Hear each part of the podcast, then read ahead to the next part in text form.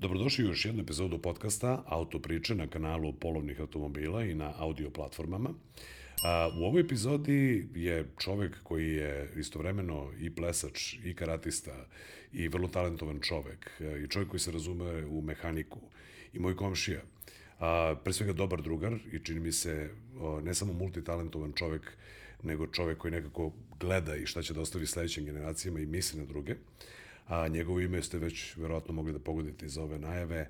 On se zove Mirko Rašić. Mirko, dobrodošao. Bolje vas našao. Uh, jel mi persiraš ili on skakavca na glavi? ne, ne, ne, jednostavno iz poštovanja. Nas kao, nas kao grupu, dobro. Uh, iz poštovanja rekao si mi pre početka emisije da budem ovaj, ne onakav kakav sam kad smo nas dvojica u studiju na nekom snimanju, nego da budem drugačiji. Nisam to rekao, ali jeste bio izazov kako Uh, morao sam da pogledam ovaj, neke podcaste kojima si gostovao da bi znao šta da te ne pitam. I malo je teško. Dosta, ste, dosta si ovaj, široko teme pokrio. Ovaj, kako ti se dopada ova najava? Te sam inače sa naglaskom plesač, karatista, te pač, da, te ali pač. bi možda bilo malo, malo neozbiljno. Pa, jako teško primam bilo kakve komplimente i bilo šta i ovaj, koliko god to ne izgledalo nekima tako, baš mi dođe teško, ali jednostavno šta znam, sve to je dovelo do današnjeg neovlašćenog servisera, jer tražio sam se svuda, mehanika je bila osnov, tako da hvala vam puno na najavi. ok, nastavi sa tim vi. I ovaj, Dobro, prestaću, istog momenta. Baš će biti čudno. Ovaj, a, ti si, kažem, u tim nekim podcastima i razložio i kako izgleda taj razvojni put i upravo mi zbog toga nije ideja da te to pitam. Ovaj, valjda mi je nekako i čudno zato što znam iz priče i druženja sa tobom ovaj, kako je to sve izgledalo i ako si već to negde rekao, ne, nema potrebe da to ovaj, potenciramo. A, zapravo sam hteo da ti postavim prvo pitanje. Gde je granica, odnosno da se malo odmaknemo od tog ličnog, a malo više da idemo ka korisnicima. Gde je zapravo granica između ovlašćenog servisera i neovlašćenog servisera? Ne govorim samo o garantnom roku i ne govorim samo o moram da držam ovde auto jer ne znam, on mi je ovaj, da, bi, da bi radio kako treba, nego kada čovjek zapravo, kada vozač treba da se obrati neovlašćenom serviseru, kada je to logična granica i koje su glavne razlike, mada si i to potencirao na, na mnogo drugih mesta? E, pa, pre svega Miloše, da vređemo odmah na, na ti. Granica je ranije bila dosta veća.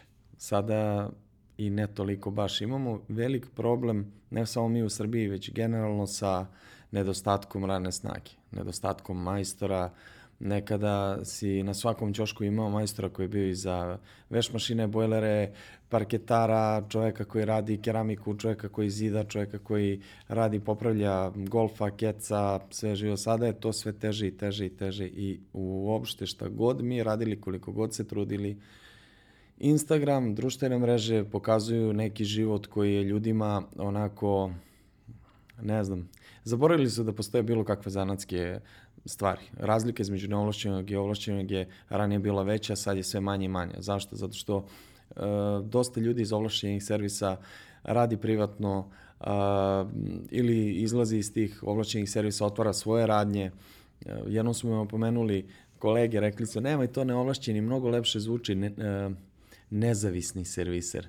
Eko, ne, ne znam, iskreno, meni je ovo tamanica, jer uh, Glavna razlika je bio taj pristup prema klijentu, u smislu prema mušteriji. E, što dalje implicira da u ovlašćenom servisu zaista ostavite automobil ukoliko postoji neka galerija gde možete gledati e, automobil kako se popravlja ili radi servis, to možete učiniti u skafu ili bilo šta a ili pak kod nekih ovlašćenih servisera možete samo predati na pultu ovaj automobil i ostaviti ključeve i sačekati da vas pozovu kada je automobil završen. Kod neovlašćenog se ta priča drastično menja i naravno jedva sam čekao da dođem kod tebe u podcast zato što nisam sve stvari rekao svuda, već ono, imam, pričat ćemo neke stvari ekskluzivne i neke stvari ovako što nikad nisam imao ni hrabrosti ni mislio da treba da kažem.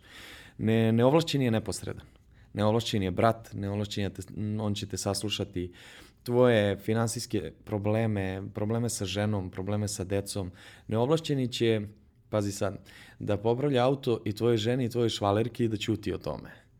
I ta njegova diskrecija će biti eto, neki bakšiš simboličan. Neovlašćeni će da ti kaže da li je bolje da idemo na zapad ili na istok, kome da se konačno priklonimo ili je bolje da sedimo na dve stolice neovlašćeni će da ti pohvali auto kad ga kupiš, ali će da ga kune kad bude imao prvu popravku i servis na njemu.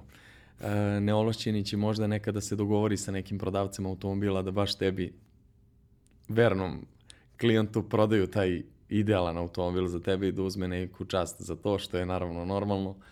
Neološćeni je u nekim slučajima kod mene omnipotentno biće, sve može. Znači, ako treba da e, popravi tvoj auto i usput ode, pokupi, ne znam, tebe na poslu, dovezete kuću, radit će i to, nije problem. A, ali glavna stvar jeste ta što je taj odnos neposredan. I ti kod njega sediš, ne piješ kafu, možeš da skuvaš neki 3 u 1, možeš da skuvaš neku, možeš sam da izmenjaš neku kafu, možeš, rakija uglavnom tu prisutna, pivo u letnjim uslovima, rakija zimi zbog grejanja i antifriza, daće ti savete, pričat će ti o popravci, nećeš morati da ideš na YouTube, uh, šta je još? Jedna mala ekskluziva, kad pričamo o toj rakiji, ja prošli put kad sam bio kod tebe u studiju, malo sam drugačije izašao. To je da. zbog tog neposrednog da, odnosa. Da, ne, pa interesantna ima jedna priča za, za mene i za Pelinkovac. Dobro. Devet. Inače, samo da, da stavim disclaimer da za sve koji nas slušaju, pa i gledaju, sad se pojavila iznad zvezdica. Ting! Ne za osobe mlađe od 18 godina, odgovorno konzumirajte, jer Tako je. volan i, i alkohol ne idu zajedno, izvini. Da, ekskluziva druga koju sam spremio, ovo će biti baš zanimljivo. Jesu ovaj, moji neki, moje neka dešavanja iz servisa. Mislio sam čak da pišem priče iz servisa, da, da pišem sve stvari koje su se izdešavale pre YouTube-a i za vreme YouTube-a dok sam držao servis.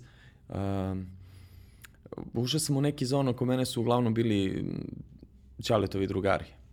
Bivša vojna lica vole da popiju, naravno i ti sa njima, jer ha, ne mora se, ali ovaj, valja se. Valja se.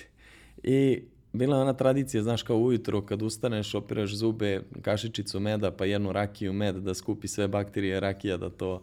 Bobije. Međutim, ja sam med i rakiju uklopio u pelinkovac. Dobro, stavio si... Mislim, zašto bi koristio dva, dva proizvoda. kad može jedan. Jedan. Dobro. I ovaj, došao mi je drugar uh, u 9 ujutro da mu uredim prednje zadnje kočnice. Naravno, još jedan disclaimer, nemojte ovo nikada raditi, ovo je ekskluziva za mog prijatelja i za polovne automobile. Jedna, jedna od uh, mračnih tajni neovlašćenog, ali nemojte ovo nikada raditi i uopšte ne treba da... da Znači, segment priče iz kanala. Da, ali priče iz kanala, iz tako. Kanala. Iz najdubljeg kanala.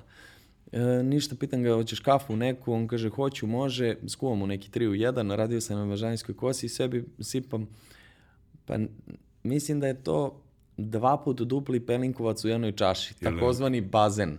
jer je ličilo na kafu, jel? da, takozvani bazen. I ovaj, dok mu radim kočnice, pijuckam taj pelinkovac, dok sam završio kočnice, ja sam popio to nonšalantno, ništa.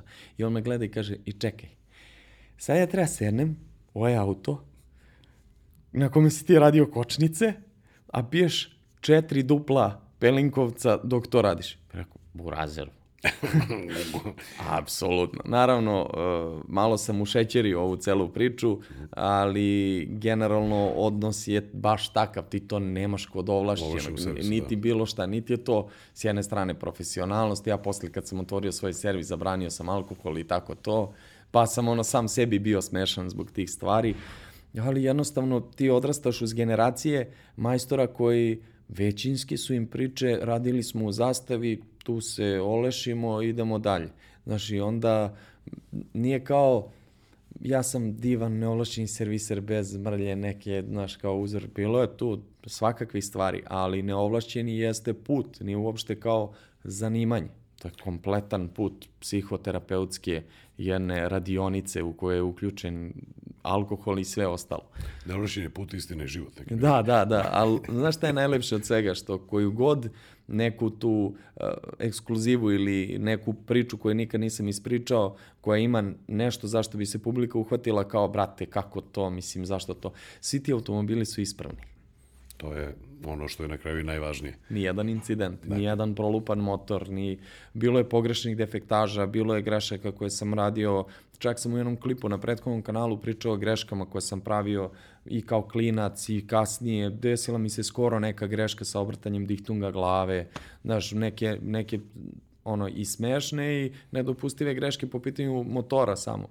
Što se tiče bezbednosti upravljačkog sistema i kočenog sistema, tu nema zezanja i nema šale. E, kasnije ćemo u jednom prolupalom motoru. Ovaj, prosto pojavlja se kao tema ovaj, od pre neki dan. Pa, pa ćemo da pričamo o tome. A kad pričaš o tom neposrednom odnosu, evo ja, ovaj, ti znaš da, da vozim automobil koji je star možda sada tri godine, možda ni toliko, trenutno, ovaj, i jako sam dosta nekih plovnjaka imao, a, ja sam sad skoro bio na, na servisu i mislim da sam te čak to i pitao nešto u prolazu posle koliko bi trebalo ulje da promeni boju. Ja recimo nisam siguran, zato što je to nov automobil i zato što su ti servisi bili uključeni u, u, u, u cenu, zapravo su bili kao paket. Ja nisam siguran da li je sve promenjeno kao što je promenjeno. Inače, čak i da kažeš, pa dobro, dajte mi, pokažite mi moj filter. I moj filter je, ovaj, on može pokaže naravno bilo koji, jer to je veliki promet ovaj, automobila. I zašto to kažem? Zato što sam provjerio ulje prvi put kad sam stigao na, na morsku obalu, odnosno kada sam trebao da krenem nazad za, za Beograd. I onako sam vidio kao, bože, ovo je baš crno, ja nisam prešao, eto, 600, 700, 800 možda kilometara total. Da li već treba da bude takve boje? Ok, moj automobil je dizel, nije nov, ali, ali nema ni nešto previše kilometara, dakle moglo je da pocrni. Ti prosto ne možeš da budeš siguran. Ok, to su servise koje sam ja platio, to je sve u garantnom roku i sve to ima zašto, zašto ja to radim. Ali upravo ta razlika između korporacije, da tako kažem, s jedne strane, i ovaj, ovog neposrednog odnosa je možda i glavna razlika kao što si pocrtao. Da. A, šta hoću da kažem, a, imali su ljudi negativne iskustva i na jednoj i na drugoj strani, pa čak i kod najvećih proizvođača. Verovatno si se svačega naslušao u sadašnjoj karijeri, ne, ne tražim da pokažemo prstom u bilo koga, Ne, ne, ne. nego prosto neke stvari, da, da, tadašnji pa i neki današnji motori mogu da izdrže. Ja sam sa neoličnim serviserom prvi put se susreo sa nekim vidom nameštanja u smislu da kolege, da li sujeti, da li iz ljubomora ili nečega, pokušaju da nameste neki auto koji sam ja radio da nešto nije dobro urađeno, ali snašao sam se jer sam imao dobru ekipu i imali smo uh, i imali smo prijavljen servis, izdavali smo fiskalne račune i imali smo radne naloge koje bismo štampali i na njima pisali šta je zamenjeno, stare delove čuvali. Plus i tako, kamera koju si postavio. Plus kamere da koje, nagleda. čim sam otvorio servis, postavio sam kamere iz prosto tog razloga nije mi urađeno to i to, ogreban mi je auto, vožen mi je auto negde, nema mi toliko goriva, fali mi gorivo, Znači, video snimak editovan, mislim editovan, kompletno od momenta kad je auto ušao i izašao iz servisa. Šta je rađeno, koji delovi su montirani i kamere nisu postavljene u ćoškovima, već su postavljene na visini od nekih metara i po, tako da direktno pucaju kadar ka automobilima koji se rade. Međutim, biću što potrudit ću se da što pre kažem, da što brže ispričam moj odgovor, za ulje i za te stvari. Moj otac me naučio da šta god da se radi e, i zaista ponosan sam što imam takvog oca i što me naučio osnovne stvari. Prvo, poverenje je glavna stvar, znači nikada, možemo mi da pričamo o meni da sam obrnuo diktum glave, da sam radio ovo, da ovo, da ono. Što se tiče uh, stvari kao što su, da li si zamenio delove koje ti je uh, klijent rekao ili da li si mu uradio sve ono što si rekao, ako si ti nabavljao delove, to je bilo bez ikakve diskusije, što se tiče mene lično. I ovaj Što kažu sve polazi iz kuće, dakle ako tako je, apsolutno nije to to radio, nije te tako ni naučio da to radiš jer to je prosto to Apsolutno. Te stvari sve drugo je moglo i to je ono što pričam malo pre, moglo je da tu bude i zajebancije i ovoga i onoga i svačega i gluposti i uh, ušao sam uh, crnim prstima uhvatio za nebo od automobila pa sam rad plaćao dubinsko pranje, svega i svačega. Ili bela laže, druže, ovo je komplikovano, ne, nisam stigao završim, a u stvari si radio nešto drugo, mm, pa nek bude tako sutra je, gotovo. Tako okay. ne, jednostavno, uh, kada se opečeš par puta u životu, ja sam pokušao da skrenem s tih puta par puta, dobio sam onako lepe opomene i život me lepo usmerio nazad na put na kojem treba da idem. Ja sam učio neka osnovna pravila. Kad seneš automobil, prvo moraš da budeš čist, ne diraš sedište, ne diraš radio, ne otvaraš kasetu, ne gledaš šta ima u gepeku. Znači, to šta ima u vratima, šta je u onom naslovu za ruku, ne diraš ništa. Seneš, uvezeš automobil, uradiš šta treba. Ako treba probna vožnja, u prisustvu vlasnika, u redu. Ako ne, proveriš sam. Ako ti je vlasnik tako rekao. I to su stvari koje, koje su dosta kad radiš kao neovlašćeni serviser, šta se desilo, jesi lupio nekog u saobraćaju, tuđi auto, znači Obično zaista... kada je tuđi auto, to su zapravo, Absolutno. čovjek mora da ima takvu disciplinu i te uzuse ako hoće to da radi na taj način, da to bude na ali, nivou. Ali što se tiče ulja i toga, da li možete znati, pogotovo kod dizel agregata, nakon što uradiš mali servis, pusti motor da radi 5 minuta ulje će biti sigurno crno. Zato što sigurno. je dizel i zato što je tako je, tako je, tako je, tako je, tako je upravo to. Tako da to ne trebate zbunje, ali a, pričat ću još brže. A, neovlašćeni serviser je doveo do neke popularnosti u kojoj su ljudi tražili da ja raskrinkavam servisere po Srbiji, Hrvatskoj, Bosni i tome slično. To je ono što nikad nikom Neću te prekinuti, ovaj, vrlo si ovaj, lepo, lepo stvar krenuo da ispričaš, inače sam to negde planirao da te pitam, ali sam, teo sam da kažem da nekad ljudi pomišljaju da ono što mi radimo na kanalu polovnih automobila treba da bude taj CSI, ja sam to rekao par, par videa. Čekaj sad da vidimo kakav je ovo auto. Ne, mi predstavljamo model, a sad kakav je taj konkretni primerak, to čak nije ni prodajni predlog, nego pričamo o opšteno, opštenom modelu. E, nije mi ni ideja da pravimo od toga da li izgleda kao prodajni predlog, jer će neko da kupi sutra taj auto i kaže, pa rekli su ovaj, Ti da je si dobar. rekao da je dobar. Da, Kako da. sad ovo? Ja nisam mehaničar. Ja se zaista u to vrlo površno razumem. Ovo što se ponekad i vidi. Ne, ne. u ne. šalim se, ali hoću da kažem, znaš, ljudi pretpostavljaju razne stvari. Dakle, ako neko pretpostavio ili želeo, ajde ti sad idi od servisa do servisa, to prvo ne bi bilo ni zdravo, ne bi bilo možda ni, ni viteški, a ne bi bilo ni u Ništa. krajnjem korisno do kraja. Ja sam se ogradio od svih tih stvari, nažalost, ljudi su to očekivali od mene, međutim, ni juče, ni danas, ni sutra neću raditi bilo kakvu stvar na koju ću... Zvali su me da budem svedok na nekim suđenjima, znam da ovo sve živo sam odbio. Bilo je situacije u kojima su ljudi kompletno prevareni u smislu da automobil koji je prodat kao novi je kroviran već prethodno, da su zamijenjeni motori, da uh, najčešće havarije, onda ti neki servisi da je promenjena usisna grana, a ja se izletim pred čovekom, kažem, moj auto ima plin, on kaže, kako znaš, reku, pa ostali su ti, ovaj, bušena ti usisna grana, ovaj, za plin, kaže on, ne, ne, nije, ja sam bio u ovlačenom servisu, 80.000 dinara sam dao da mi promene tu usisnu granu.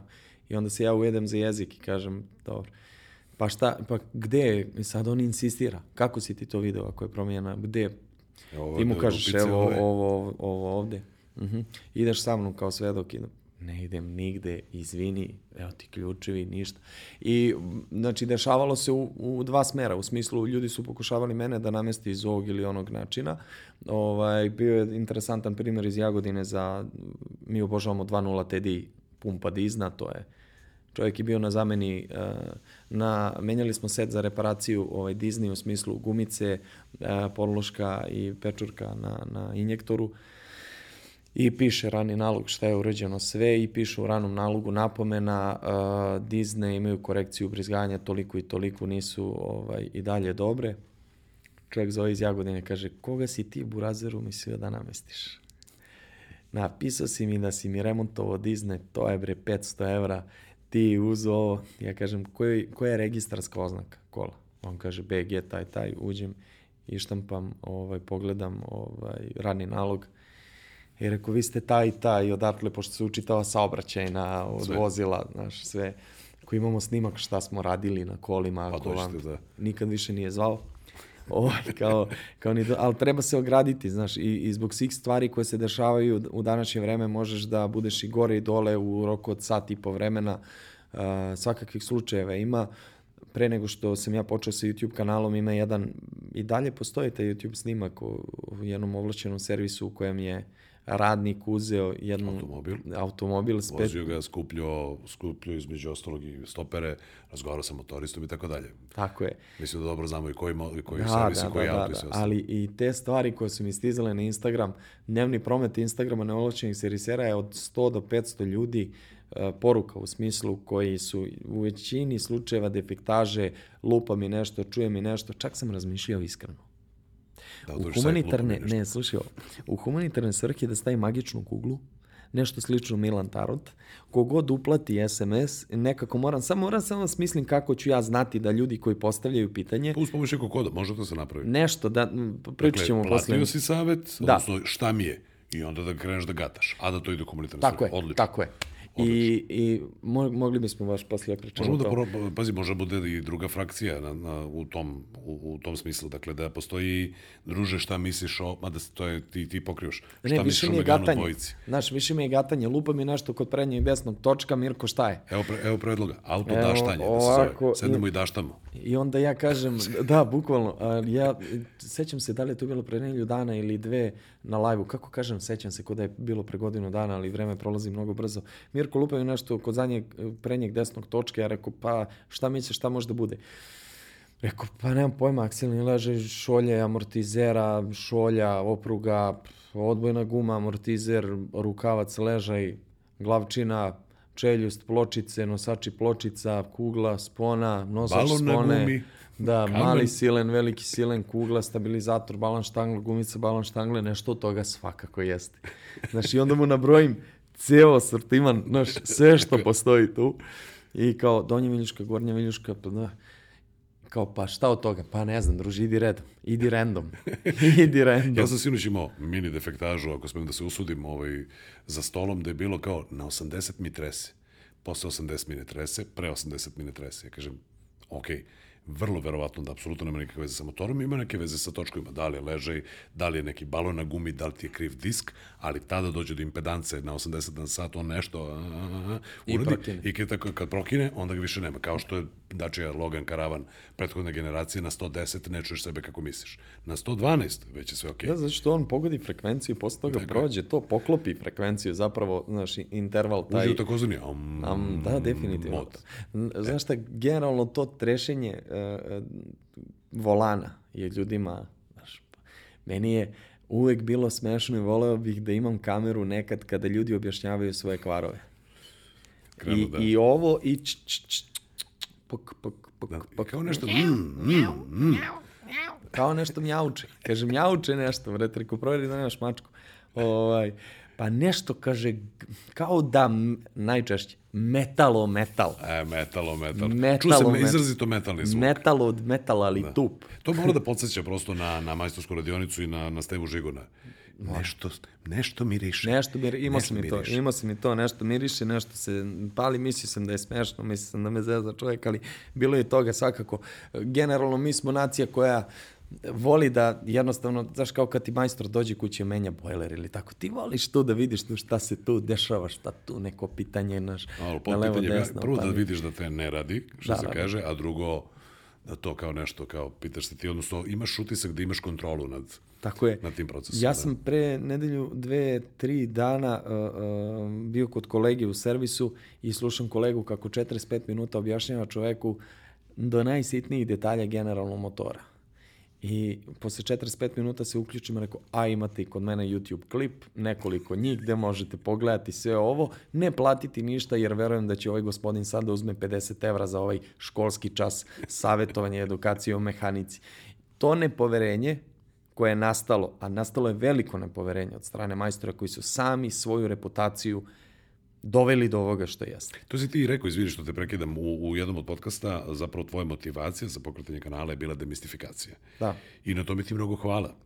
I mnoge ljude mlade si motivisao i postoji čak ovaj, čuo sam jeli, neke devetke na fakultetima su se dešavale posle gledanja tvojih klipova, ali upravo ta, ta eh, demistifikacija je možda i, najvažnija, zato što evo, naš zajednički klip na kanalu Polovnih automobila, mislim sada ima preko 600-700 hiljada pregleda, šta možete sami da pogledate na automobilu. Vrlo volim da verujem da je naravno gledaniji zbog toga što si ti u njemu prisutan, jer smo uzeli kvalifikovanog čovjeka, odnosno napravili smo saradnju u tom, u tom i ne samo u tom videu, da popričamo o tim stvarima, zato što ljude to zapravo interesuje. Ljudi bi voleli da mogu i da umeju sami, imaš i one koji naravno apsolutno ih ništa ne, interesuje, ali bi voleli da znaju kako se to nešto odvija i da koliko toliko budu učesnici tog procesa. Jeste, naravno, s tim što to nepoverenje je više uh, uticalo na to da oni budu tu i da slušaju nešto što čak neki od njih ne zanima ih. Ne, samo želi da čuje neke informacije da bi on video da li ga majstor radi, la, radi laže ili ne. I baš je, znaš, bi, meni je bilo jako teško da, da šta god da radim, ljudi ulaze toliko sumnjičavo kao da sam pokrao auto ceo, da ne znam šta. Pritom, nekako se to uvek dešalo kod nekih ili ekstremno skupih ili ekstremno jeftinih automobila. Vlasnici su isti prema jednoj i drugoj grupi automobila. Ti sa krajeva, što kažu. Da, da, bukvalno, znaš, I to jedni... je mnogo glupo, znaš, kad uđe i onako sa Au- Evo da vidim šta ćeš ti sad mene da pokušaš da prevariš, to je, to je loš prosto start. ali dosta ljudi je dolazilo s takvim startom i ne bih ih krivio jer majstori su doveli do toga stvarima koje su radili jer su mislili da se nikad neće saznati, da niko neće pričati, a mi smo ljudi koji vole da pričaju o svemu što, što se dešava u životu i nijednu stvar ne zadržavamo za sebe, pogotovo uh, loše vesti se šire i ti neki tračevi dešavanja koga je ko uradio, ko je kako koga namestio, pa se tu i šećeri još priča dodatno, pa onda od ne znam toga da je majstor skinuo katalizator, dođe do toga da je skinuo ovaj ceo motor. Mada, Bilo je slučajeva da izađu motori iz automobila za trke pa se vrate. Da. Ali to je sad druga stvar. mada bio je slučaj kad posljednji put kad sam ja čuo jednu ozbiljnu stvar, bila je mom prijatelju koji e, živi u Čortanovcima, znaš da je, Znam, imao sam kuću tamo. a, iz Čorte je oterao auto u Bešku, Dobro. E, majstor mu je rekao, zovem te za nelju dana, sad sam u guži, ostavi kola. E, I nikad nisam ni saznao ko je čovjek.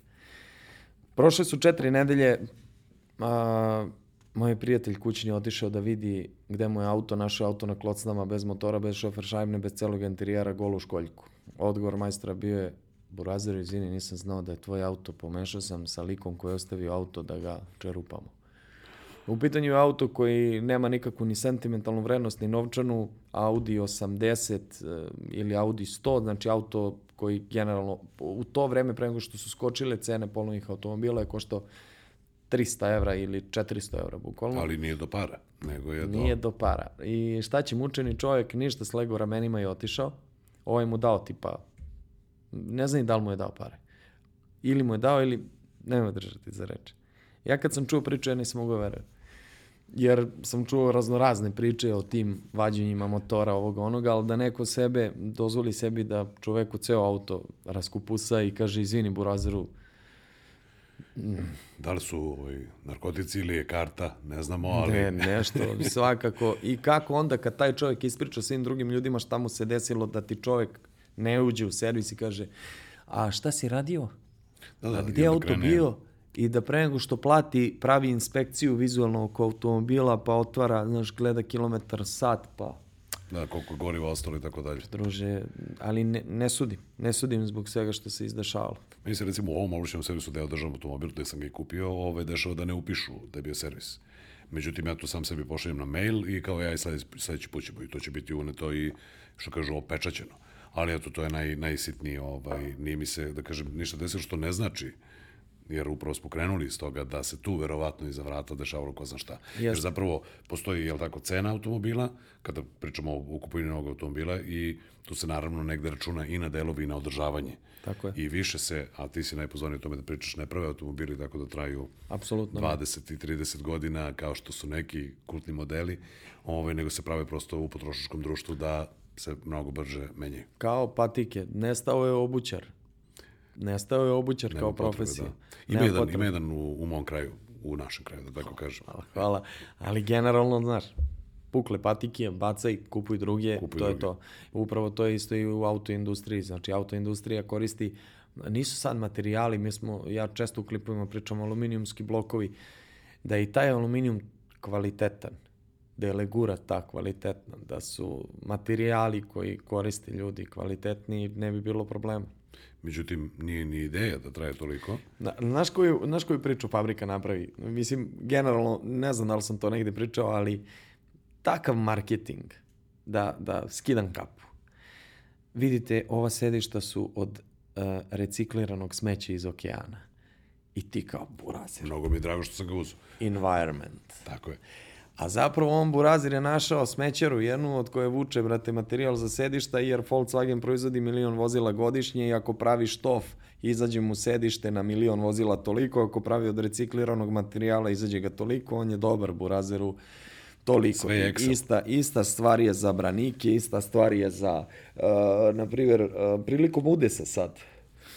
Rukavac je stvar koja a, drži amortizer, povezuje ga sa diskom, sa sponom, sa kuglom. I sad ti rukavci su ranije bili masivni, gus, čelik, uh, neverovatno jak. Sada kada se desi najsitniji kontakt u kojem Uh, Možeš samo da uradiš mikrofon. kada se desi najobičniji udarac u točak u smislu udesa, točak od točak, rukavci, stabla, amortizera, spone, sve se krivi. Sve na trapu se krivi od udaraca. Objašnjenje fabrike je ne, ni, ne koristimo mi jeftine materijale koji, koji se krive, mi smo to radili zbog bezbednosti. A, jer je po da, kreš da. testovima pokazalo da a, kada su čvrsti materijali, ta spona može da prođe kroz šofer šajvnu, može da uleti ovamo, uleti onamo. A, znači, mi koristimo mekane materijale isključivo zarad vaše bezbednosti. Pazi, ja mogu to da kupim kao priču kad pričamo o branicima, krilima, plastičnim, naročito na francuzima i tako dalje, da to ima veze sa prenosom kinetičke energije i da drugačije se gužva automobil. Tako, nema veze legendarna 123 ili 124 sa ovim današnjim Mercedesom po pitanju te pasivne bezbednosti koja nije sistem nikakav, nego samo govorimo o limu i načinu na koji će onda se gužovi da transfer, transferiše, odnosno da transferuje tu kinetičku energiju, ali, brate, spona. ne, nije, nije samo, znaš, ja, ja ti pričam sad o stvarima koje kasnije kad sam istraživao, a zaista istraživao sam, ti nemaš da vereš, oni sad prave kao u Indiji, u Pakistanu prave radilice od recikliranog nekog čelika u koji dodaju pojačivač i sva zona su isto environment, kao brati recikliramo. Šta, šta je problem? I stvarno ne možeš ništa da mu kažeš. Pogotovo u današnje vreme. Bukvalno, šta, je, šta, smeta ti što recikliramo? Srate Jesi bilo. zaista to rekao? Da, da. Smeta ti što koristimo reciklirane materijale i spašavamo planetu Zemlju, bi pravili tebi auto, koliko si ti nezahvalan.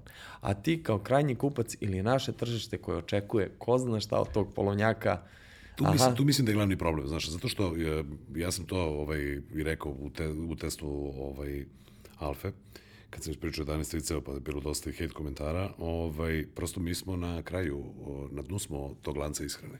Da. I zapravo se dešava naše navike i naše očekivanja i naši budžeti u velikoj većini.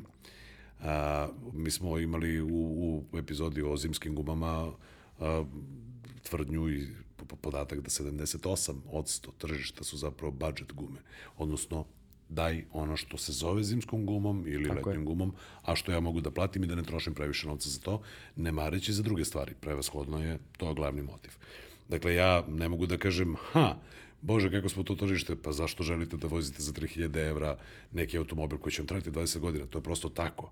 tako. Ali više automobili nisu takvi. To je glavni zapravo problem. 2000, uh, era 2000 tih je bilo posljednja era kvalitetnih automobila. Što se tiče bilo čega motora, menjača, kočnica, interijera. Čak mislim do 2000 druge ili do 2007. zavisnosti kako koji proizvođač, to su zadnji vozovi bili za proizvodnju jako kvalitetnih automobila.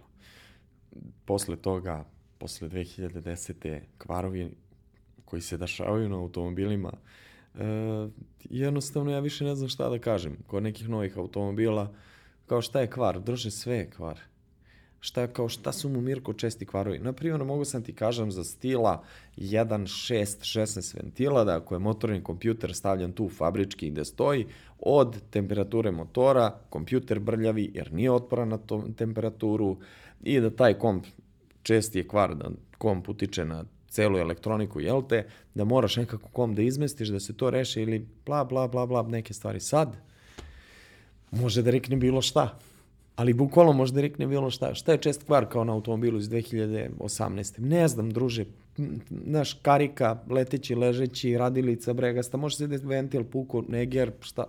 Bukvalno sve jedna stvar može da rikne. I na, namerno imam moj kritički stav zato što sam i slagao neke od tih motora, slagao Slagao. Rekao sam im da ih neću Rekao otvoriti, sam da otvorio neću, sam ih. Da, da, da. Slagao sam Uglavnom, ih i slagao. Slagao. Da. E, Neki od tih motora sam slagao i bio sam iz fazona, druže, kao ima neka ona bazična, možda je to primitivno, možda nije. Kada uzmeš predmet neki i uzmeš Težina. isti taj, težina, bravo. Težina Bravo. predmeta. Da, težina, Težina predmeta. predmeta, kao, osjeti se skup je. Da. Težak je. Da, a bukvalno. Telefon, da, pištolj, šta god hoćeš. da, Ali šta god hoćeš, jel? uzmeš radilicu i Ja, neće ovo.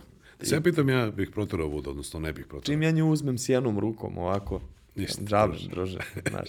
Ovaj, ranije radilice su, mislim, generalno automobili e, su se ranije i kvarili i 90. i 2000. Ali opravka svakako pro, produžavala taj taj radni vek automobila, pa imamo slučajeve da su neki 1.9 TDI motori ili 1.9 JTD ili 2.0 dizel, 2.0 benzin, ovaj i onaj, prelazili stvarno po milion kilometara. Stvarno, bez, bez, naravno, uz održavanje, crklo ovo, crklo ono, dobro, druže, je on prešao milion kilometara? Jeste. Potvrda si ga bacio u smeće, nisi. Znaš, To kao kad sada možeš da nađeš ovaj, ovaj V211 Mercedes ovaj, u Nemačkoj, krem boje, naravno, bio je službeni, bio je Taksi. taksi, ima 780.000 km i ti si fazonu, ok, ovo je pravljeno tada da traje. Mislim, to je već ta neka granica kada, kada počinje ovaj, uh, uh, ajde kažem, mošljarenje. Ovaj, ima, ima interesantna stvar, izvini što te prekidam, kvadratura, presek žica. Dobro.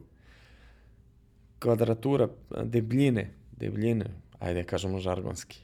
Žica, instalacije su na automobilima do 2000 i neke bile daleko veće nego što je na automobilima sad. To su dosta tanje žice, jer fabrika koja proizvodi milion vozila godišnje na jednom koturu žice, on naš uštedi e, ne znam koliko. Ranije je nomenklatura žica bila, ako je lupam, crna plus, crna minus, crvena plus, zelena je signal, plavo, bela je ovo. Sada to, kod, sad električari imaju ozbiljnu muku, zato što e, žice koje dolaze u toj mass production fabrici, Ovaj, nema više tu šta je po kojoj boji. Znači, koji kotor je tu, ta žica se montira i to je to. I dosta je Bilo tanja. koju. Bu, bukvalno bilo koju. Dosta su tanje žice, što naravno u eksploataciji vozila dovodi do njihovog pucanja. A, današnji automobili, poput, na primjer, S klase, imaju 70 do 80 motornih računara, tačnije mi kažemo modula. Znači, svi ti moduli su međusobno povezani žicama signalima, dešava se čovjeku zalupi vrata, neće samo jedan podizač da se podigne malo zbog nečega. Istražiti te kvarove, To možda nađeš gde je uopšte. znači takozvane koske. Koske. To je zaista, zaista teško za bilo koga, za električara, za mehaničara, za mehanotroničara kao novo zanimanje. O tome nisam ni uopšte pričao nigde. To je kao novo zanimanje, ne sad, nego za njih 10 godina. Mehanotroničar, da ti poznaješ elektroniku, mehaniku, jer je sistem toliko u simbiozi da ne možeš da budeš Da, klasičan to više ne mehaničar. može se razdvoji. Ne, nema, nema poente uopšte ako ne znaš elektroniku, da upraveš diagnostičkim uređajima, da ne da brišeš greške. Evo, obrisao sam ti ovu grešku, to je to. Koji je razlog, uzrok, čemu se radi, a, svetliti check engine, to je lambda sonda. Znači nisi se subscribe-ovo na... Da, da, da, definitivno. Mirka To je lambda Vašića, sonda, da. samo vozi, bre, ništa tu nije.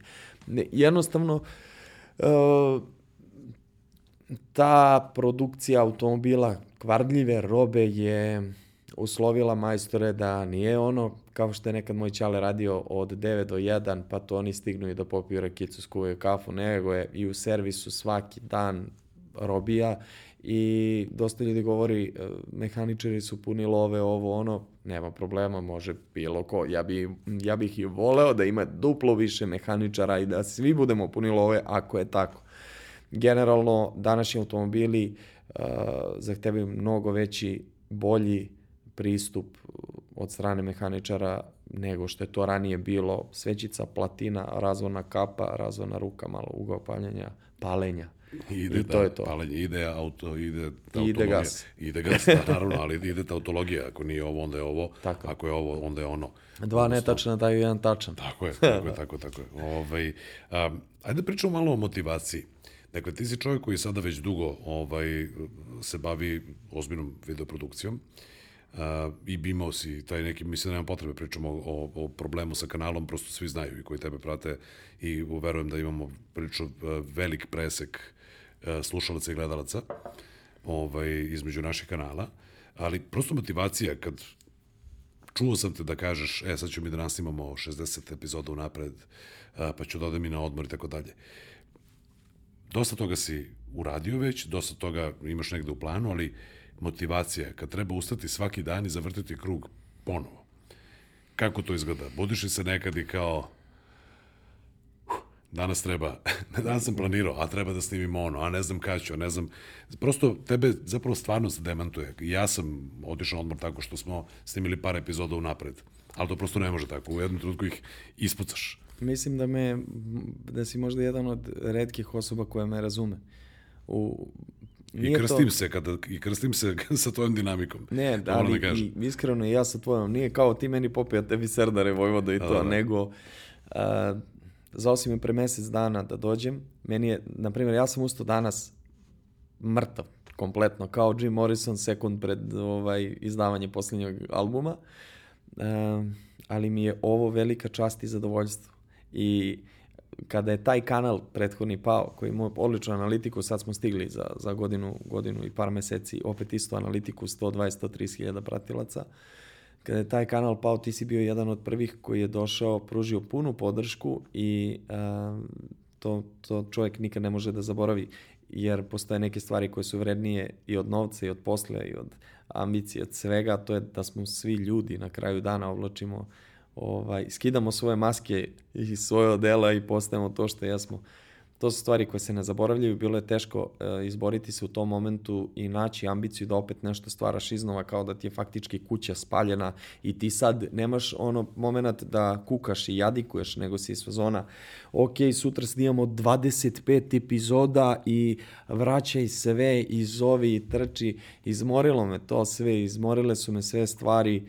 Uh, nekako 50% stvari koje mi se dešavaju u životu, ja sam zaslužan za to, ali mislim da drugih 50% mi život nabacuje i dokle će bre da me testira više.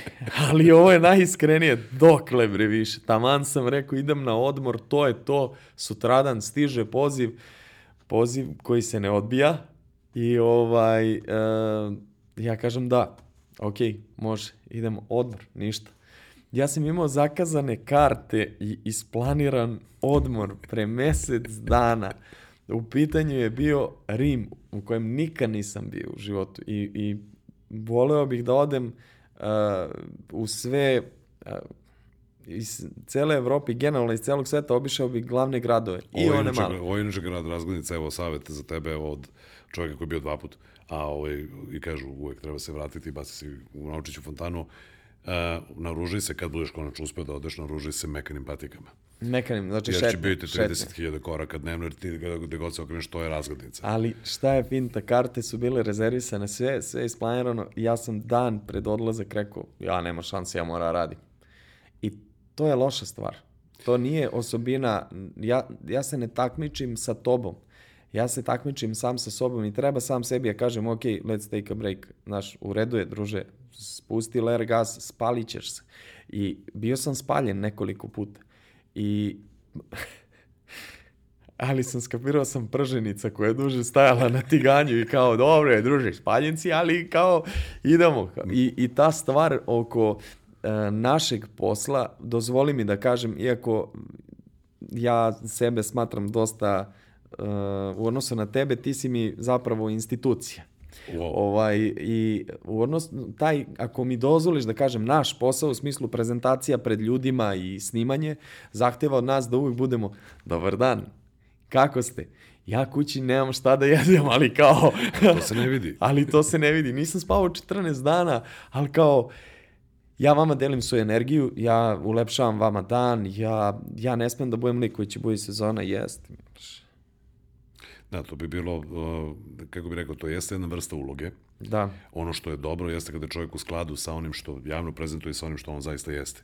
Što mislim da kod tebe je zaista u visokom stepenu kao i kod mene. I onda to nije to samo uloga. Ti jesi takav uglavnom lik.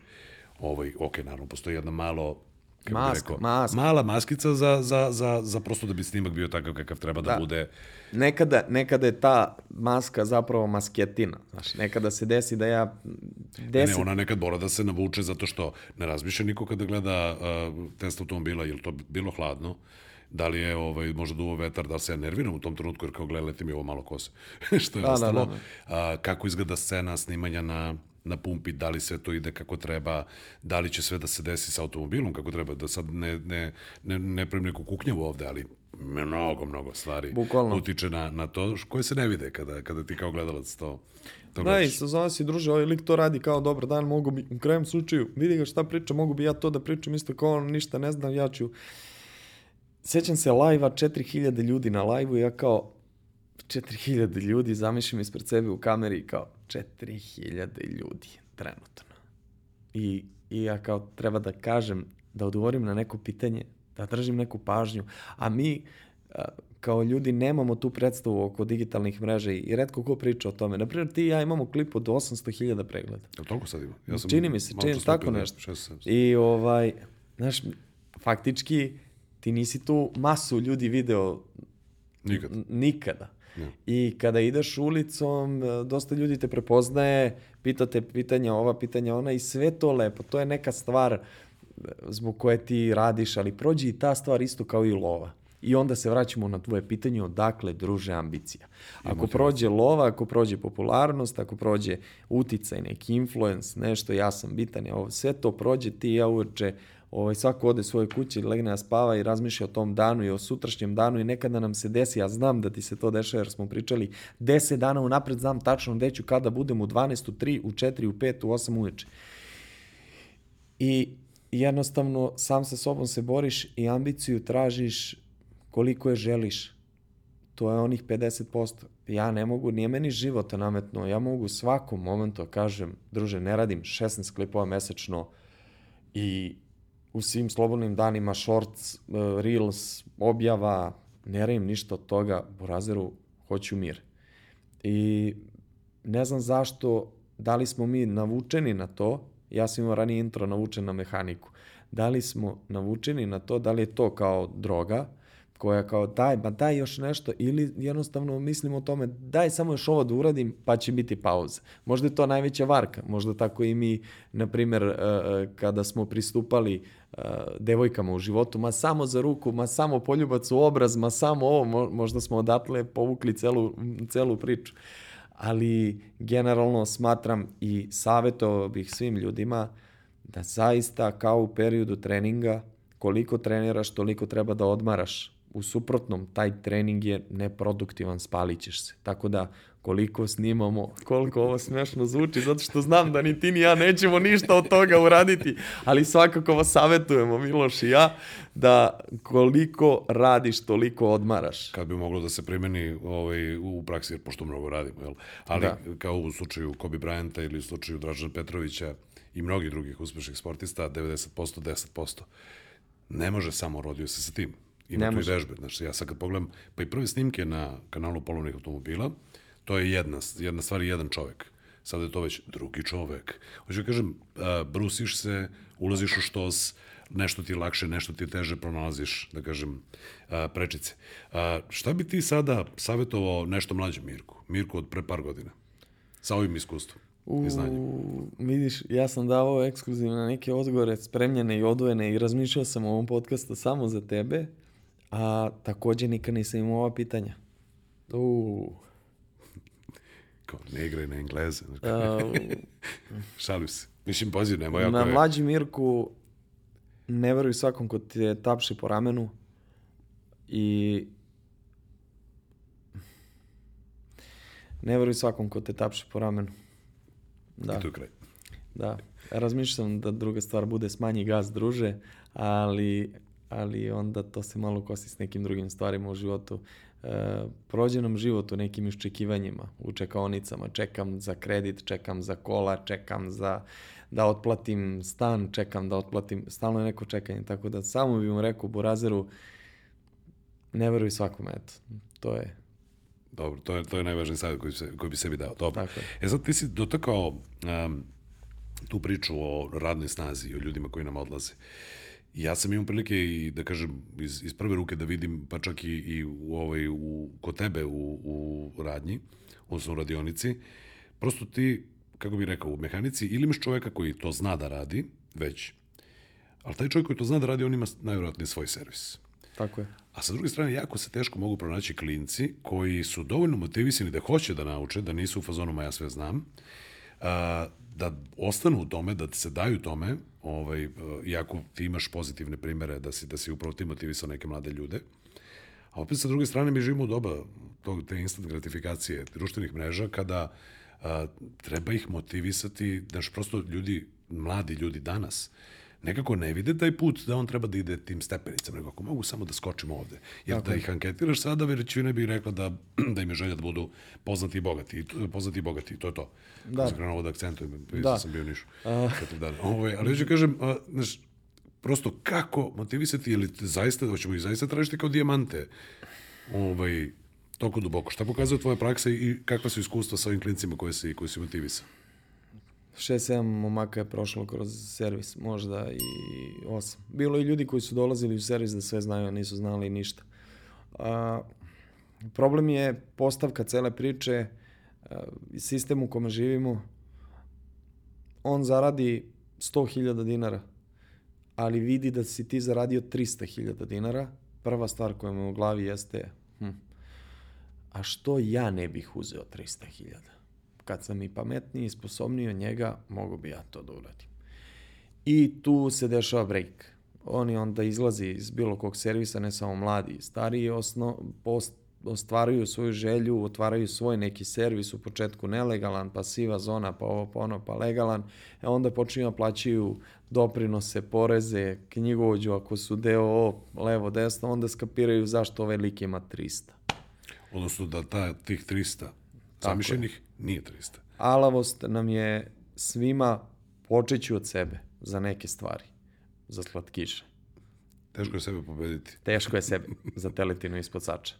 Znači, druži, da nema onog crnog soka gaziranog, da nema njega da napravi pregradicu u stomaku. Znači, ne, definitivno alavost počinjem od sebe jeste daj mi sve, da Bog da mi preselo i zašto, i mišljenje da ja sam najpametniji, šta on tu meni ima šta da priča. Izgubio se autoritet kako u kući, tako i na poslu, jer mislim da je kuća i porodica osnov svega.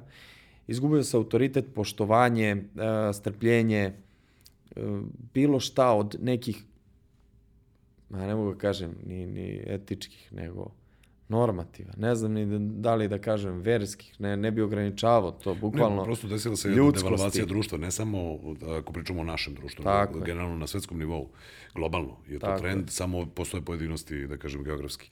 E, devalvacija vrednosti i promocija pogrešnih i drugih stvari, Prosto... To, to se ispoljava, izvini što te prekidam, to se ispoljava kompletno. Na poslu ovom, poslu onom. Priče koje ja imam iz servisa su iste sa, sa prijateljima koji vode neke druge firme.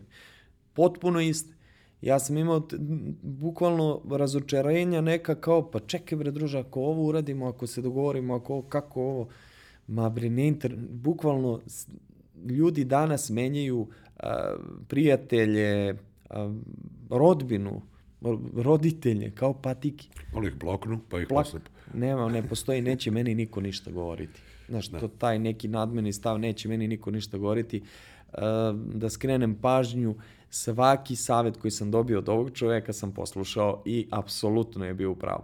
Neki od prvih saveta bili su, sine, samo malo polako ovo, ovo ovako, ovo ono, kad ti kažem vidjet ćeš sve savete, ali gledaj, ako je postavka moja da otvorim okice i da gledam i slušam i upijam i primenim, i to je dalo rezultat, tvoji saveti, omladine, drugo omladine, šta bre, ovaj došao, brate, priča mi tu kako ću ja da radim svoj posao. Ili te, sluša, ili te sluša kao, a kada okrene leđe zapravo Tako počne. i kaže, ma smara me nešto tu davim.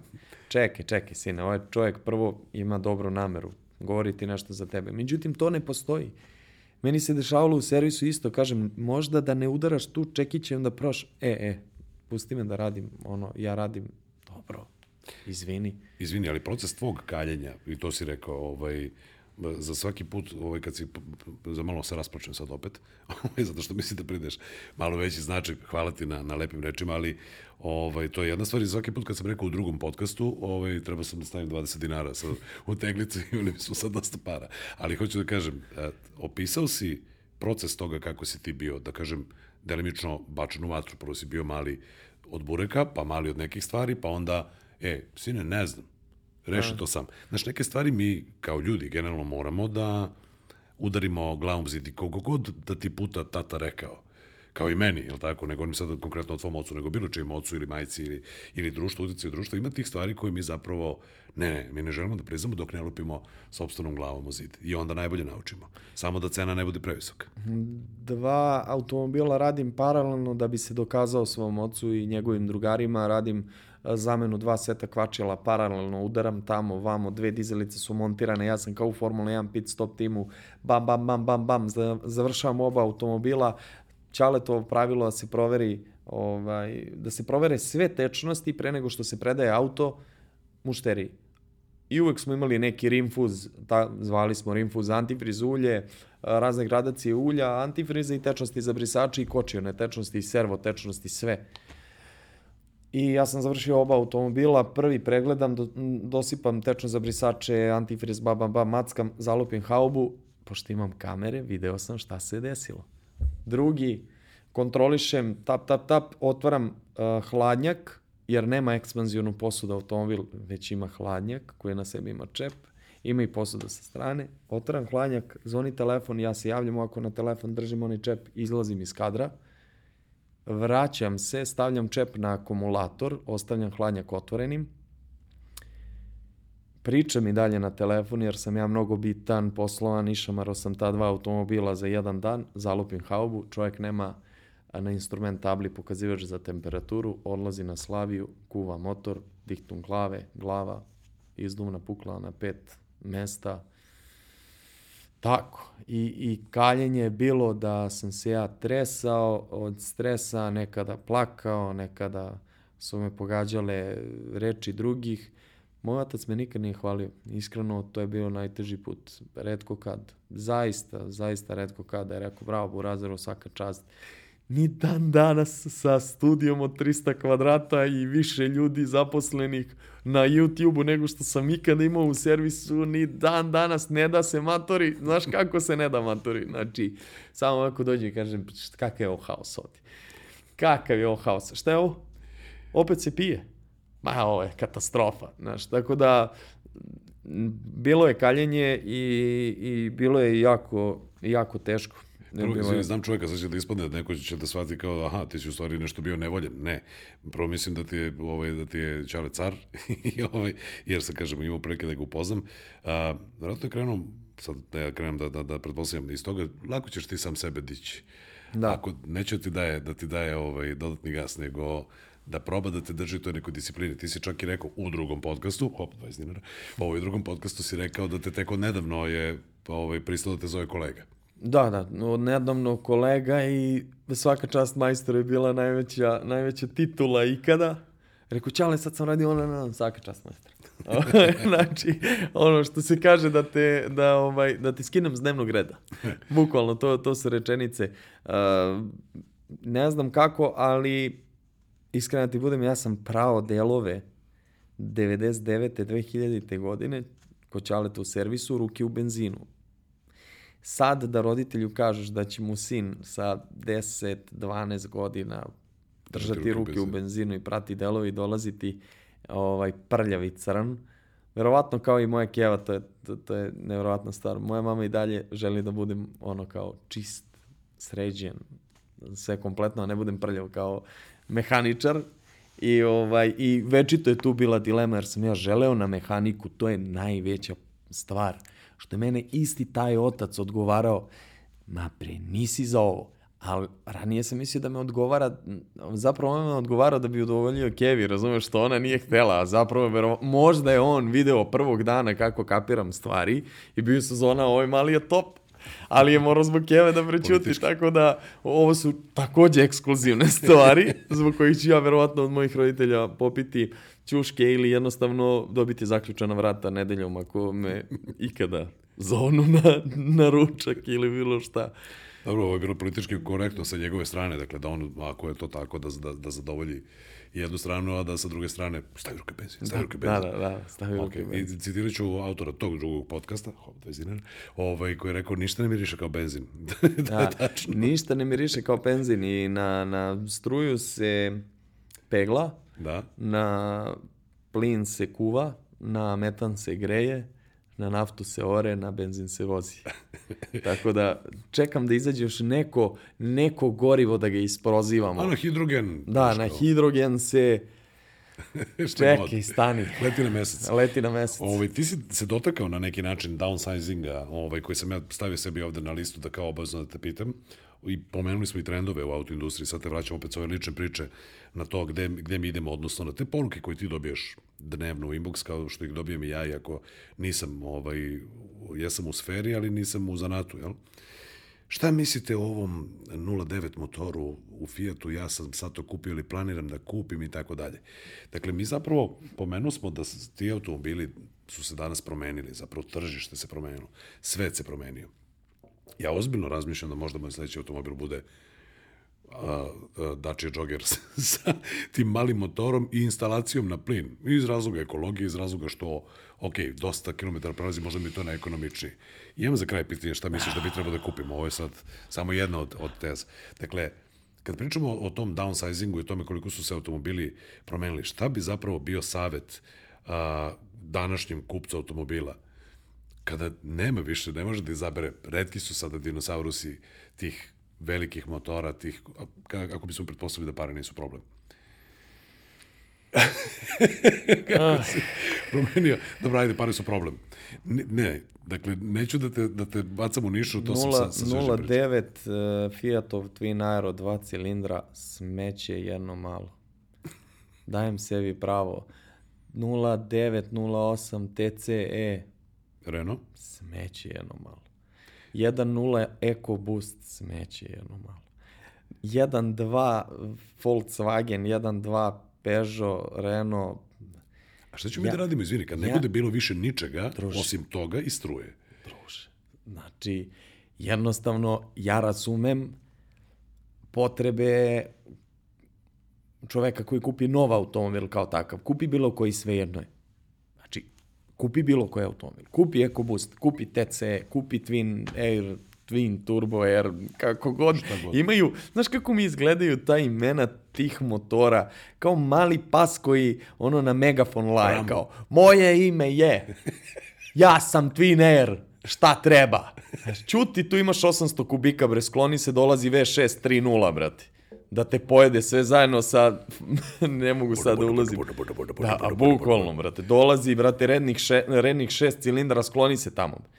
Znaš, to tri cilindra, sad imaš i Wagen 3 cilindra, i Ford 3 cilindra, i Peugeot 3 cilindra, i Fiat 2 cilindra, sklonite se bre u stranu, bre dolaze... Pazi, to sve ima veze, izvini, ima Kada veze kupuješ sa nova auto, tako okay. je, naravno, naravno, to je ono što smo pričali i dva, dva katalizatora, dva DPF filtera DPF-a, jer F je oznaka za filter, kako su mi ljudi ispravili. Kaže, ja, nemoj da kažeš DPF filter. A to bi znači da treba kažeš i za uh, filter uh, dizelskih čestica. Partikularnih. Partikula. PDF. Da.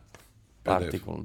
Per, a ima i razlike iz DPF-a u PDF, ali nebitno sad. Uh, Generalno, ako kupujete novi automobil, evo odgovora. Ako kupujete novi automobil, totalno mi je svejedno i reći vam uzmite bilo koji automobil koji želite. Ako kupujete polovan automobil, i te kako postoje razlike i nemojte očekivati ono što ste imali u eri automobila do 2005. do 2010. do 2015. Nemojte imati ista očekivanja. Kako povećavamo ovo do 2005. pa smanji očekivanja za do 2010. pa smanji očekivanja za do 2015. godine. Takođe smanjite očekivanja za kvalitet rezervnih delova. Bilo, sećaš se priče ranije da kao turski delovi, nemoj to da kupuješ. Ja sam, izvini, ja sam se iznenadio kada sam jedne godine automobil, to je drugi novi, auto, drugi novi automobil koji sam imao u životu. Danas vozim treći. Ne, ne, ne, uz, ne zaredom, jel?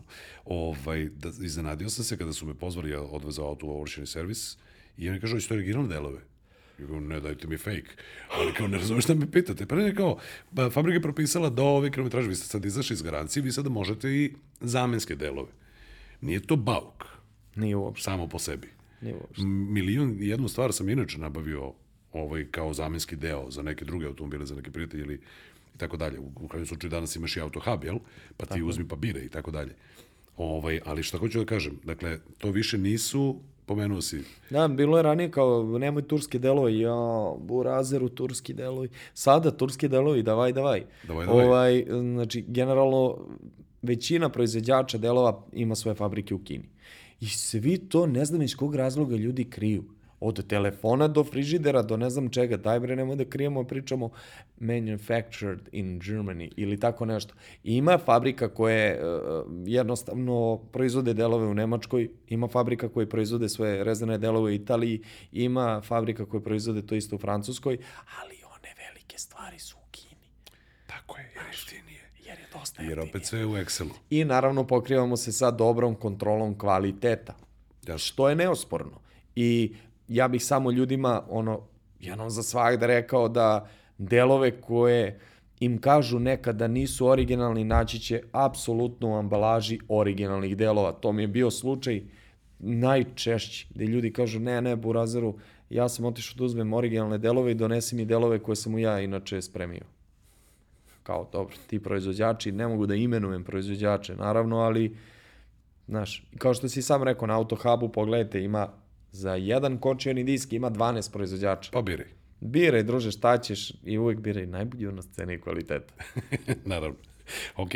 E, a, ovaj, dosta već dugo pričamo, ja, inače ideja je da, da ovaj podcast auto priča ne bude previše dugačak, da može, da može ovaj, i da Galeb nastavi da radi to što radi, i šalim se, ali da, ovaj, da prosto budemo koncizni, da budemo ovaj, slušani i gledani, tako da, da ću ja lagano da privodim naš razgovor kraju, ali da te pitam jednu, ovaj, ne škakljivu stvar, nego prosto pogled u budućnost. Kad pričamo o elektrifikaciji, gde ti vidiš i da li je budućnost u struji ili će zapravo biti u hidrogenskim vozilima, odnosno u hidrogenskoj ćeliji, ovaj, tvoj neki pristup šta god ne treba sada da, da, da imamo ne znam kakvu analizu. I dva, šta će, moje deca su već velike, ali šta će tvoja ćera da vozi? Gde ti vidiš, kad ona, ona, ona bude, bude stasala za vožnju, šta će to da bude? Hoće to biti leteći automobili? Hoće to biti sve ispod ovaj, pola litra? ili Ne znam šta, ili će, kako kažu amerikanci, da bude Grease Monkey, da ono, krene ćalitovim stopama. Mislim, generalno razmišljao sam o tim stvarima, ali e, ne razvijaju se stvari kao što smo mi mislili ili kao što nam je filmska produkcija pripremala da se razviju. Kao 2000. godine peti element, lete, a, a, lete o, avioni, automobili automobili, sve, sve šljašti, neonske reklame su svuda, urbani Tokio i tako to. Ja mislim da ovaj naš region balkanski će biti još dugo zarobljen u dizel agregatima. Mislim da ćemo pronaći sve načine da što duže zadržimo uh, ove automobile kod nas i da eventualno ćemo preći na taj električni ili hibridni ili hidro, hidrogenski pogon, ali nema tu zabave iskren da budem, glavna zabava jeste što pre neki dan uh, uh, prijatelj naš zajednički Luka je dovezao onaj srebrni njegov automobil u studio, prelazi automobil, trese se čaša kod mene na stolu i ja ono već naježim se ceo, rekao, burazeru, to je auto. Pritom kulturno, a uspuh je kulturan, ne dreči da budi ljude okolo, ali vibracija koja on s polja parkira, tamo onaj deo studija, tresu se čaše, rekao, to je to. A sad trolejbus vozi. Ako sedne u električni automobil. Tako je. Mislim, ok, kapiram budućnost, ali 7% zagađenosti čine automobili. Šta ćemo sa 93?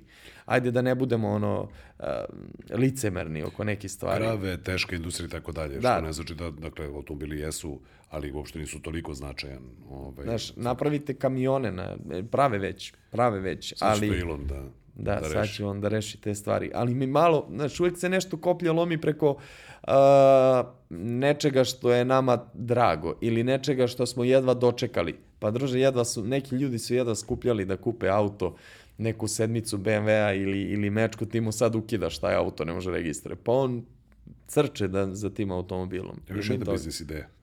Da se sad nabavljaju neki automobili i da se kroz 15-20 godina se napravi retro park. Krenu- Možete- krenuli možete vidite kako je bilo. krenuli su ljudi, krenuli su ljudi i, i to ima dosta veze s onim što je skočila cena svim young timerima, svim old timerima, sve, sve, sve, sve.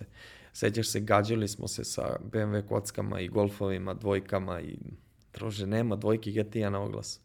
Nema kocke na oglasu, nema ovoga, nema onoga, da ti sad kao kupuješ Neko bi rekao, nema kocke, nema druga. Da, Život mi je samo tuga. Da. definitivno. Ali idemo ka tome i